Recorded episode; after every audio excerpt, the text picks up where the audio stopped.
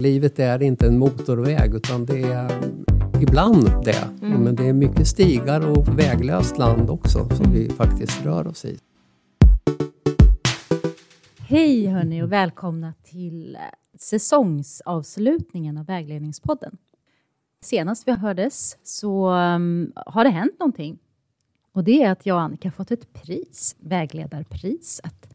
Ja, av Svenska vägledarföreningen. Jätteroligt och vi är så glada. Och vi fick en jättefin motivering för det, att Mm. vi eh, sprider det här. Och jättemånga hurrarop från er. Så tack så jättemycket Ja. för nomineringen. Tack för alla era tack och hurrarop. Och, ehm, vi är jätteärade att få, att få den uppmärksamheten. Ja. Mm. verkligen. Och känna oss peppade att fortsätta, Mm. helt enkelt. Eh, Så snälla mejla oss på vagledningspodden gmail.com om ni har några idéer om vad ni skulle vilja höra, något önskeprogram. Ja, men idag så har vi Christer Langström med oss.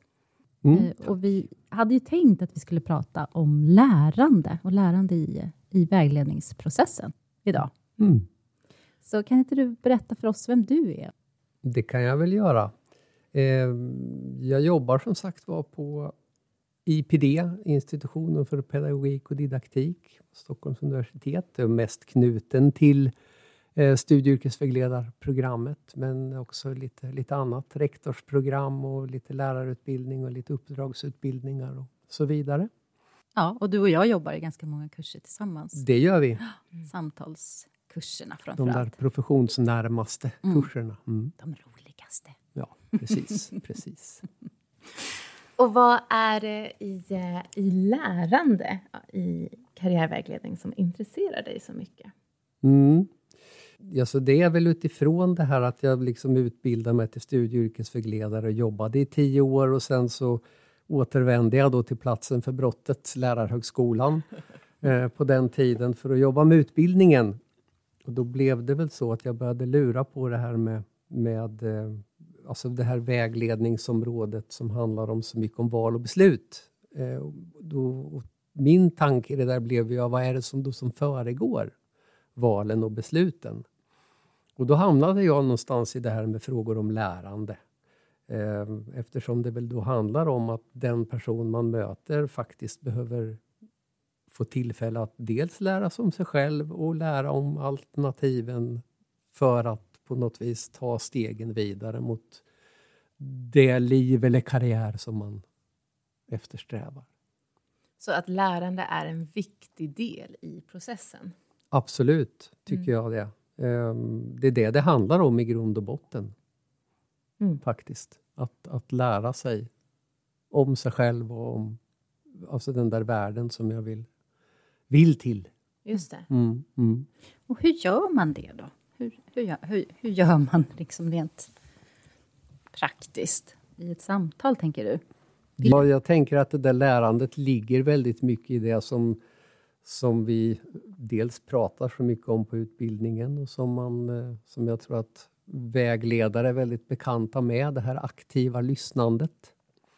Frågan är vad är det man lyssnar på då som studie och yrkesvägledare? Jo, du lyssnar ju på den här personens berättelse eller historia. Eh, Alltså deras beskrivningar om lite vem de är och vad de vill. Och så det, vi möter någon form av liksom människors muntliga biografi över sig själva. Mm. Och i den där biografin så finns ju all den där kunskapen, tänker jag, som dels jag som vägledare behöver för att kunna vara något stöd i lärandet. Men när man får berätta och inte bara tänka och känna sin biografi så lär jag mig saker, för det blir annorlunda när det kommer ut Mm. Mm.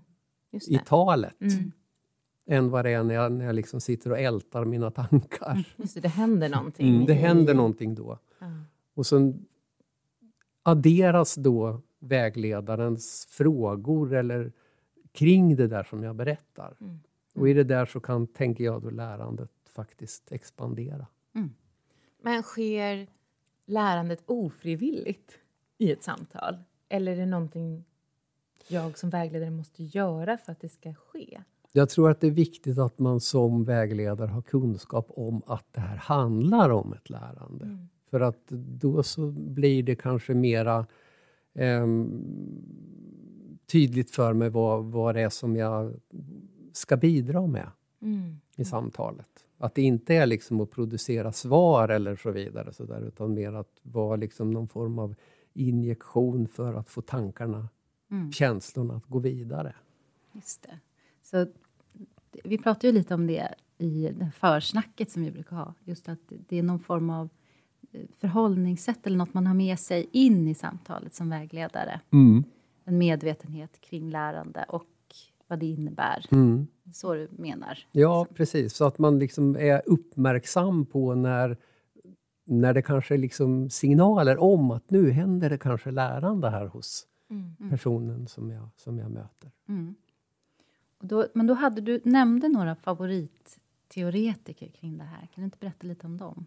Mm. Eh, de dök ju in i det här när jag då fick tillfälle att bli doktorand. Eh, och att tänka på att jag kunde då faktiskt ägna några år åt att nörda in sig i det här lärande begreppet. Vilken lyx! Ja, så Eller? kan man se det också. Lyx och ångest i ja, ett paket. Precis, i ett paket. Men i alla fall så stötte jag på då eh, först och främst Peter Allheit eh, som har myntat ett begrepp då som han kallar för biograficitet. Mm. Um, och det där begreppet ger oss möjlighet att förstå att det liksom Alltså det är ett ständigt återskapande och formande som vi pysslar med i våra liv. Uh, alltså de sammanhang som vi befinner oss i. Uh, och det tänker jag är ju jätteintressant ur ett studie och yrkesvägledarperspektiv. Att vi hela tiden håller på mm. med oss själva och liksom den där, vår mm. biografi. Mm. Och den formas ju vartefter som vi agerar i, i de där.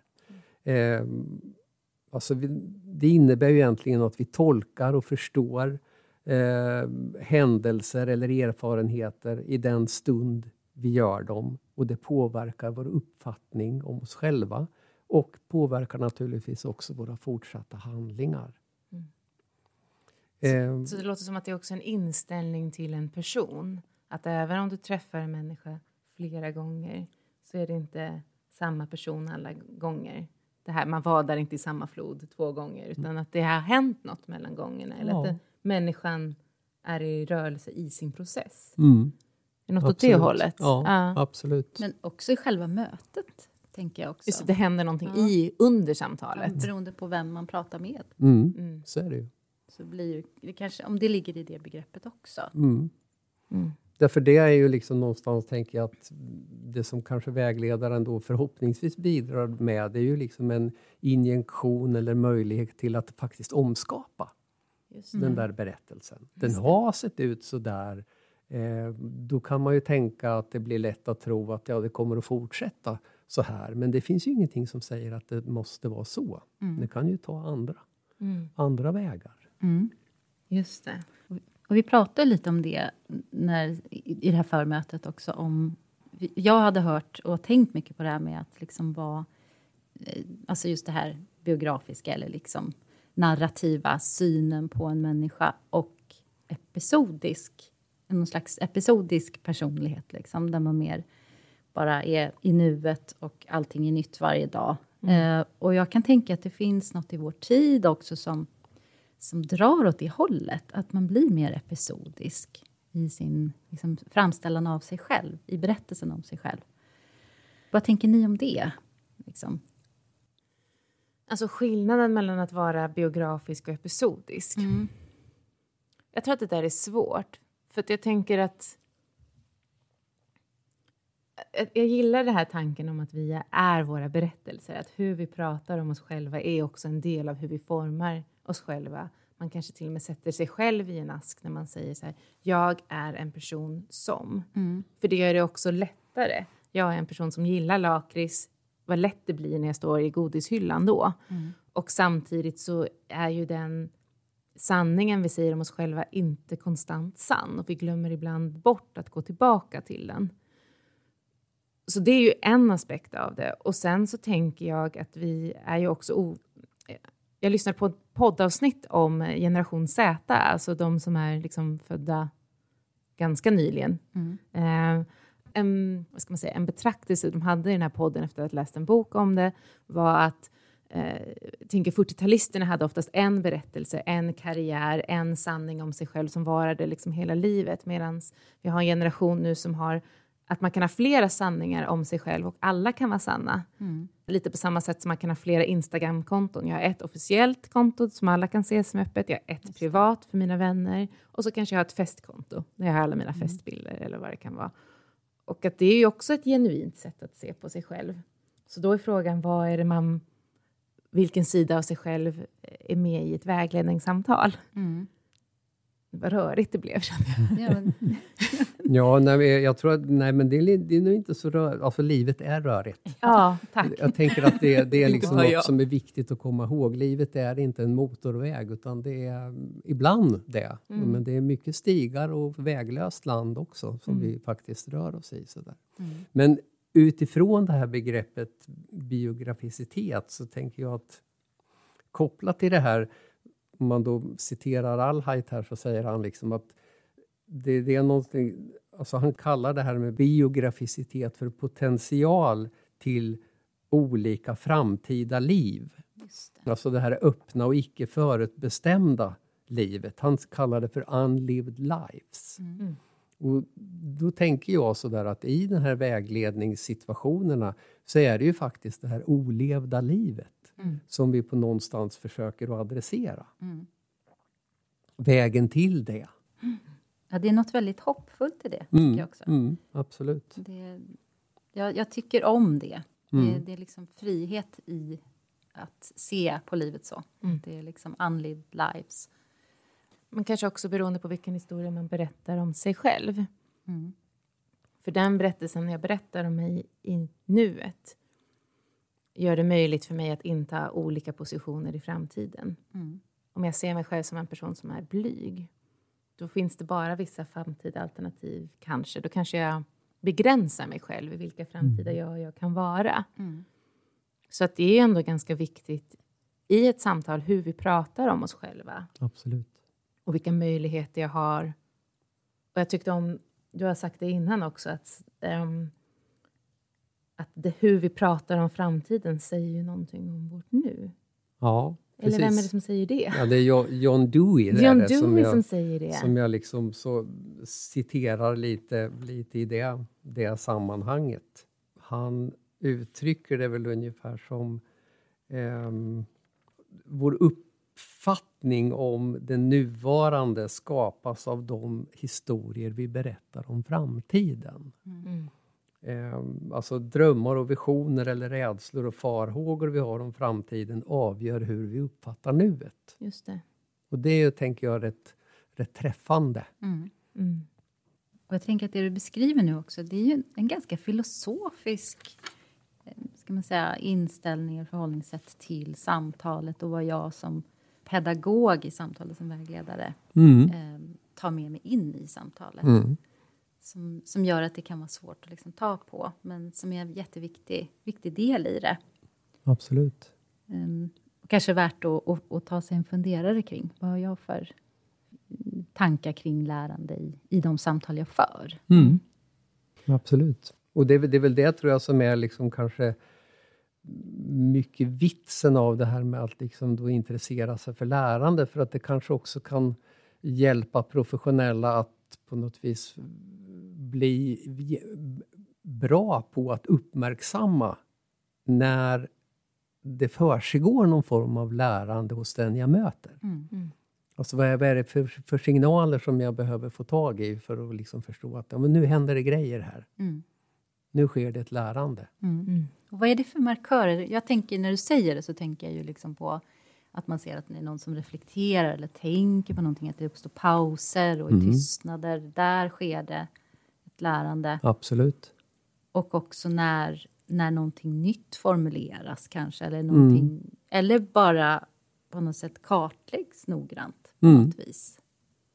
Och det kommer fram till någon, någon form av röd tråd eller Ja, det, känns, det är svårt att, att få fatt i, men, Mm, absolut. det är de markörer som jag kommer att tänka på. Mm. Jo, men de tänker jag, det väl beskriver väl bra liksom just det här att när, när man kan tänka sig att det händer någon form av lärande och då kan det ju vara liksom viktigt att, ja när jag tror det som professionell, att jag försöker uppmärksamma det och kanske ställer frågor om det. Liksom, det. Utifrån till exempel att okej, det där har du inte nämnt någonting tidigare. Mm. Eh, är det något som har kommit nu eller alltså Mm. att spinna på då vid de tillfällena? När det. tänds en liten lampa på något sätt. En liten lampa. Ja, och vara duktig. Eller, usch, och jag gillar inte det ordet duktig. Men att, att försöka tänka på att, att spegla de processerna man ser i ett samtal. Att vara lite transparent Mm. i att vad spännande att du säger det. När du kom hit så hörde jag att du sa det här och nu säger du det här. Att eh, visa upp det, för det tänker jag Absolut. är ganska svårt att göra de reflektionerna själv i ett samtal. Nej, men jag tänker just utifrån till exempel de här samtalshandledningsövningarna som vi gör när man går studie och yrkesvägledarprogrammet, att det är så skönt när andra kan berätta vad de ser i samtalet, för när man är i det är det lite svårt själv. Och att också vara den som berättar en historia kan det vara ganska svårt att se den resa man själv tar i ett samtal. Ja. Så att där tänker jag att en studievägledare kan vara väldigt stöd i någons lärare genom att vara transparent med vad man hör och vad man ser i Absolut. samtalet. Det ger mig en möjlighet att sortera i eh, mitt pladder. Mm, just Då, det. vilket ju ofta den där biografin kan bli. Mm. Precis. Mm.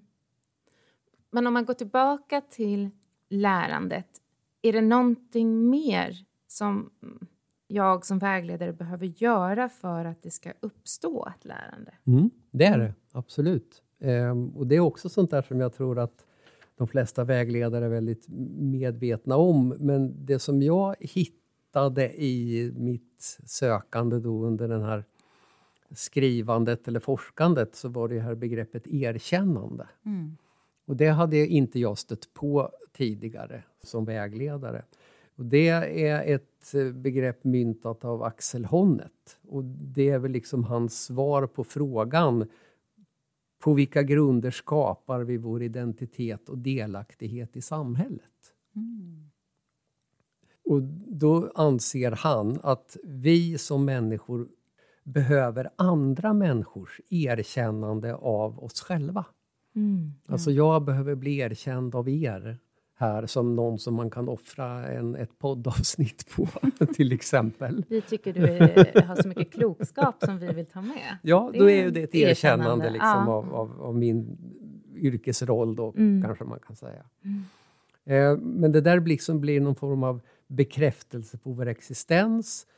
Och det betyder ju att det här erkännandet, om man då för det till en vägledningssituation, så är det här erkännandet ömsesidigt. Mm. Just det. Alltså, först och främst så behöver klienten erkänna mig som då någon form av underlättare eller facilitator eller medhjälpare i det här som jag brottas med. Och i och med att den kan erkänna mig så måste jag som professionell också erkänna den personen. Vad den sitter i och är som människa. Så då, grunden för det är någon form av ömsesidigt erkännande oss emellan. Och det är inte riktigt samma sak som empowerment, utan ett erkännande. Vad, vad ska vad liksom förklara skillnaden i det? Förstår du? Jag tänker, alltså, empowerment är ju att jag liksom ger dig ett, ett erkännande på ett sätt. Att du, ja, Jag, jag tänker att det har väldigt mycket med det att göra, men att det också går båda vägar. Att det är det som- ja, det är ett precis. Mm. ömsesidigt empowerande. Liksom då. Men då är erkännande, tänker jag, ett bättre, bättre ord, bättre begrepp. bättre begrepp. Mm, Ja, precis. Ja, men det var så jag tänkte också, att det är just att det är någonting som sker i själva alliansen. Mm, Erkännande mm, av, av, av att skapa det där berättelsen. På mm, något sätt också. mm.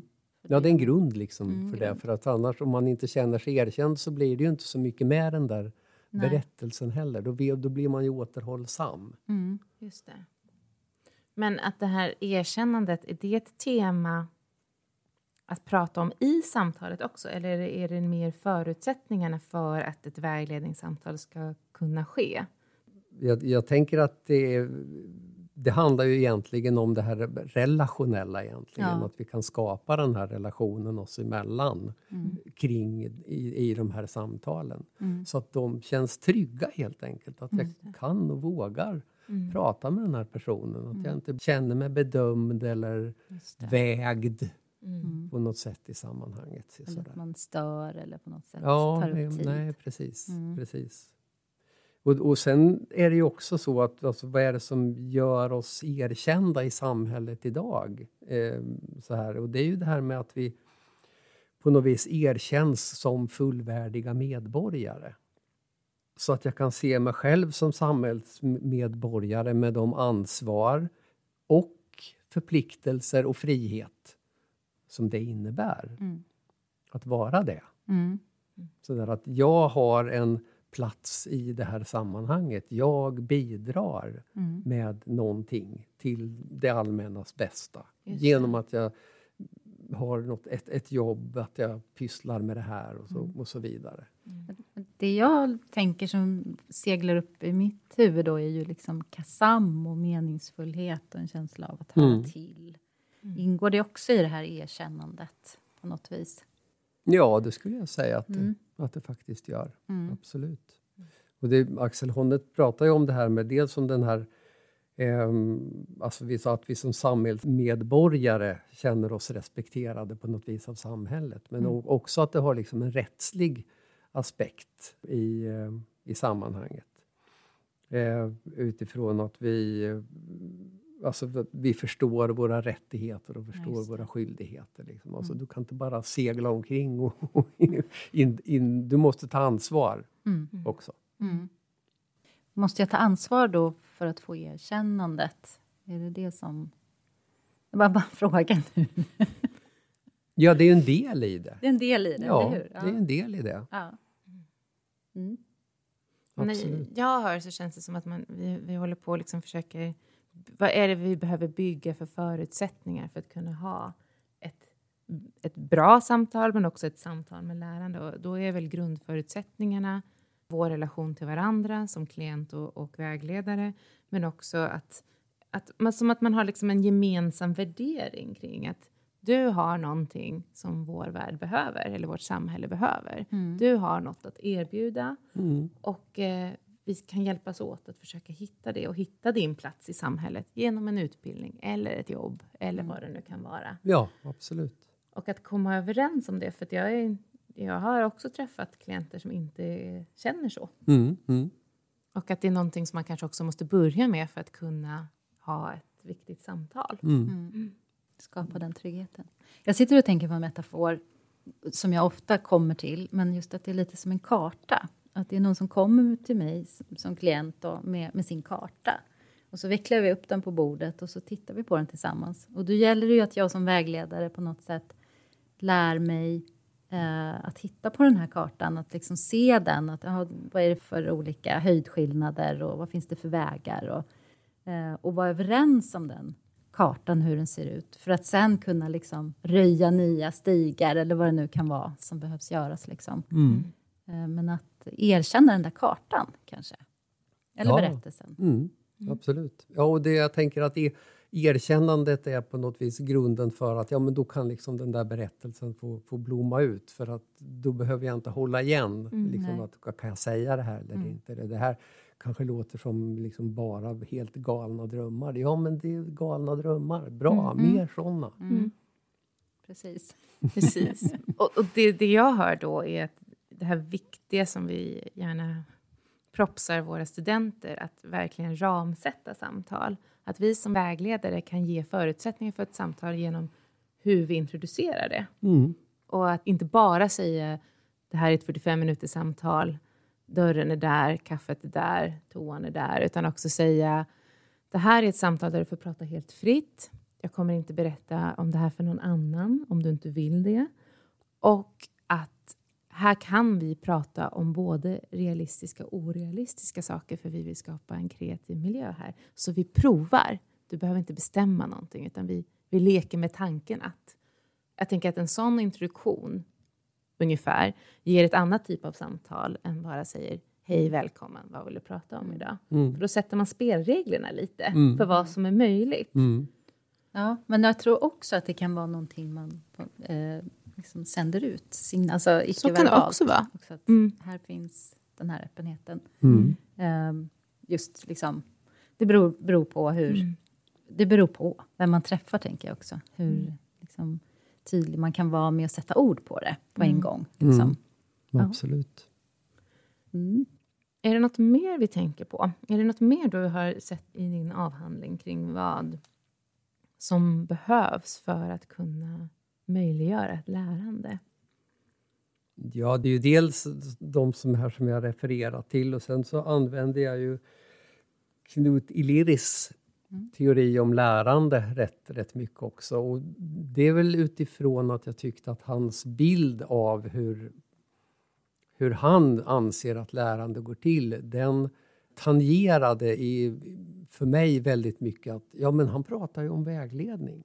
För han beskriver ju det här som att han har, ritar upp en triangel och den där har ju tre punkter där den första då är någon form av innehåll. Det vill säga vad är det för någonting som, som jag behöver eller är intresserad av eller vill, vill lära mig eller vad man ska säga.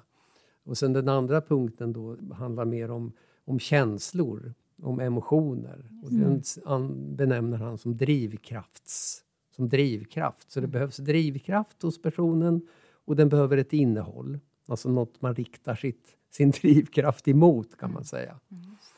Och sen finns det också den här socialitetsdimensionen att det ingår i någon form av sammanhang Mm. som blir begripligt. Mm. Så Sådär. Eh, och Ileris menar ju liksom att för att man ska kunna prata om lärande överhuvudtaget så måste alla de här tre delarna vara liksom in action, Ja, aktiverade. aktiverade. Mm.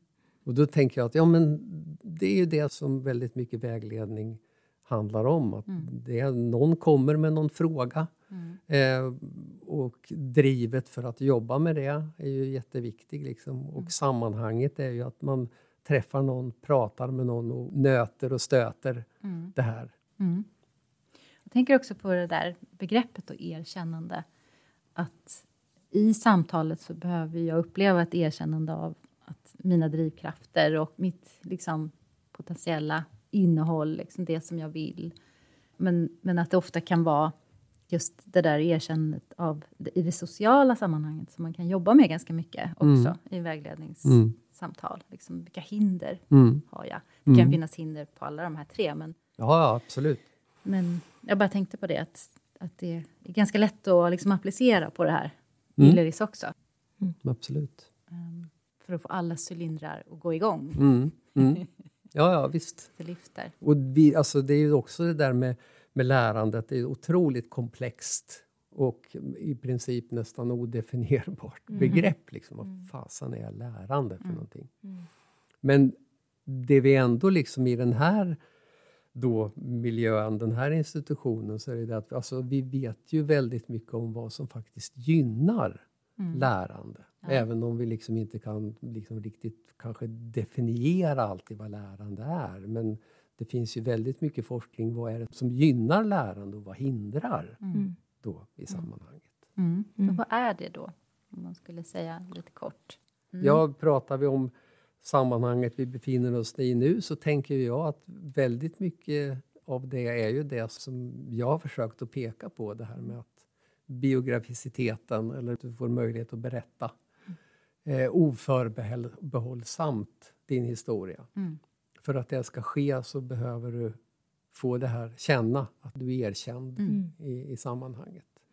Och i- det i sin tur kan ju sätta de här tre delarna, tänker jag, i Illeris tankegångar i, i rörelse. Och det som hindrar lärande är det motsatta helt enkelt. Ja. Mm. Precis. Man inte får ett erkännande, att man inte får berätta sin berättelse. Nej, utan att det är någon som styr det där Mm. åt dig. Liksom. Att, ja, men det där, så där kan du inte tänka, utan Mm. du måste göra så här. Liksom, och, alltså, så där. Då, då bör du på liksom, att slita undan Mm. mattan som man, som man står på. Precis. Och jag tänker också på att det verkligen är en sån där grej som vi tjatar med studenten också. Att, att inte komma för snabbt till lösningar eller komma med råd och så. Det är precis det här. Mm. Alltså att eh, låta, Absolut. låta människan, människan berätta sin berättelse Mm. först. Mm. Men jag tror att det händer någonting med samtalet just när vi ser det som ett lärande. För att kommer vi med svaren för snabbt, då tar vi ju bort människans möjlighet att lära sig någonting. Mm. Och det tycker jag är en viktig aspekt i studie och yrkesvägledning. Att vi vill lära människor att göra fortsatta karriärval genom hela livet så att vi inte behövs någonstans. Att, att de kan göra den här resan själv. Mm. Att det är självstärkande. Mm. Jag, tänk, jag såg något program häromdagen som gjorde en viss kritik då mot till exempel psykologer, att vi alltid måste be om professionell hjälp hela tiden. Mm. När vi faktiskt har väldigt mycket kunskap och styrka själva. Och det, jag håller ju inte med om det fullt ut, att vi inte ska skaffa professionell hjälp. Men, men jag tycker att det finns någonting i det här att vi måste också stärka oss själva. Och då tänker jag att vägledning har jag en vision kring, att det ska ju stärka individen Ja. så att de gör det på Mm. egen hand, med Mm. egna resurser. Och vi bara sätter lite ljus på från olika håll så man kan se vad man har med sig i ryggsäcken själva och vad Mm. man kan använda. Absolut. Absolut. Och det är det som jag menar också med när jag pratar om det här med liksom att upptäckt går före diskussion. Ja. Eller om man pratar engelska, Mm. discovery before discussion. Det låter mycket bättre då. Och det här är alltså Christers Mm. vägledningsfilosofi, kom vi fram till lite grann. För tillfället För tillfället. Ja, ja. Okej, så vad innebär det då? Discovery before discussion? Vad Ja, innebär det är väl det att du egentligen skapar möjlighet för, tänker jag, för det som du sa där, Mm. att människor att upptäcka själva Ja. eh, sina styrkor och resurser, eh, sina kanske svagheter och Mm. liksom sådana också. Mm. Eh, och, och- det är det som tänker jag vägledningssamtalet, det måste börja med det. Mm. Att du med och jag får, kan gå på upptäcktsfärd eh, i, i din värld. Mm. Och där kommer ju det här med biografin in och det här med erkännande också. Sådär. Mm. Och när vi har liksom upptäckt det, Mm. det är då som vi först också kan börja på att diskutera eventuella göranden och handlanden Mm. i det här. Alltså hur går vi vidare? Hur går jag vidare? Mm. När du pratar så får jag så bilden av ett barn du vet, som kan vara väldigt lekfull i sitt som är så här, åh, en fjäril, åh, en sko, och hitta grejer. Mm. Och när vi som vuxna går in för tidigt och säger jaha, och vad ska du använda den skon till? Då dödar man ju kreativiteten och att liksom det här discovery, att man lå- måste låta det få ta lite plats innan vi blir så där Ja. Mm. realistiska. Mm. Ehm, för det kan döda om det kommer för tidigt. Liksom. Mm, Eller absolut. discussion då. Mm. Så tolkar jag det i alla fall. Mm. Ja, men det, är- det är helt rätt tolkat. Yes! 10 poäng. Precis. Ja, men ni sa någonting när vi sist pratade också om att det, det är ingen motorväg utan det, det får vara ett utforskande och det måste Mm. få vara det samtalet. Mm. Mm. Och att det är en process också. Att det Ja, absolut. leder ut ur skogen just den, det samtalet. Men Nej, det kommer väl en ny skog, ja, förmodligen. En ny dunge, liksom. precis. Men det är liksom så det är. Och Mm. det är inte något farligt, utan det är ju, det är bra. Mm. Omvägarna är de fina vägarna. Kunskapens vägar är alltid omvägar. Ja, Just det. För att citera Sven-Erik Lidman. Mm. Mm. Mm. Mm. Ja, Det kanske var ett bra slut det där. det lät nästan så. Som, eller någonting mer. Det känns som att det är något mer som vi behöver få sagt nu, Christer, som du... Nej, alltså det, det jag tänker på det är väl me- mest det här med liksom att... ja, som jag sa, kopplat till John Dewey, det här med att vår uppfattning om det nuvarande skapas av de historier vi berättar om framtiden. Alltså det är Mm. där vi skapar det. Och det är väl det som vägledare pysslar med. Och i någon mån försöker bidra med att grunda för den där rörelsen var i erfarenheter förändras och får ett nytt värde. Mm. Alltså rörelsen i den utvecklingen eller förändringen, eller vi kan kalla den lärande, Mm. då, eh, skapas förhoppningsvis utifrån det här något reflekterande växelspel mellan min, min dåtid, min nutid och min framtid. Just Mm. det. Det är liksom de delarna som jag på något vis har att spela med som människa. Mm. Och det där är ju inte några nyheter utan det är redan Aristoteles formulerade det som han pratar om talets tidsrörelser. Och han säger ungefär någonting sånt här översatt till svenska i så fall. Då, att rösten har vi inte för att prata med oss själva utan för att skapa tankerelationer med andra människor. Och i den dialogen finns då förhoppningsvis dåtiden, det vi har med oss av tidigare erfarenheter. Och de kommer till uttryck i språket nu. Mm. Och det kopplar ju till det här narrativa. Och varför gör vi allt det här då? Jo, för att vi som människor alltid söker oss vidare eh, i våra tankegångar, att få syn på något nytt. Mm. Och vad är nytt i sammanhanget? Då? Jo, men det är ju framtiden. Det. Alltså vi är på väg, vi vill någonstans. Mm. Så redan då så hade man koll på det där. Ja, och jag tycker att det är väldigt fint det där att, att, att framtiden säger någonting om vårt nu. I, när vi pratar också så mycket om, om mindfulness och så här, att, att man ska vara medvetet närvarande i nuet. Det är viktigt. Ja, jag tänker att, att prata om framtiden eller som någon jag pratade med nyligen sa att så, här, så får människor ha en vision för sitt liv. Liksom. Och det kan Mm. kännas väldigt stort, vilken press att sätta på en människa. att Du ska ha en vision för ditt liv. Men det är också en del av att skapa det här sammanhanget. Mm. Det är någonting som jag vill sträva mot som gör att jag känner mig viktig och att jag har en mening. Mm. Visst. Ja, och det är väl inte någon hemlighet att det är många som lever i någon slags existentiellt vakuum idag. Att det är liksom just att känna att man inte förstår riktigt vad är meningen med det här då. Nej. Det är ju verkligen en, en stor brist, tycker jag, i Mm. vårt västerländska samhälle idag. Visst. Livet kan nog upplevas väldigt fragmenterat. Ja. Och då kommer vi in på det episodiska igen. Ja.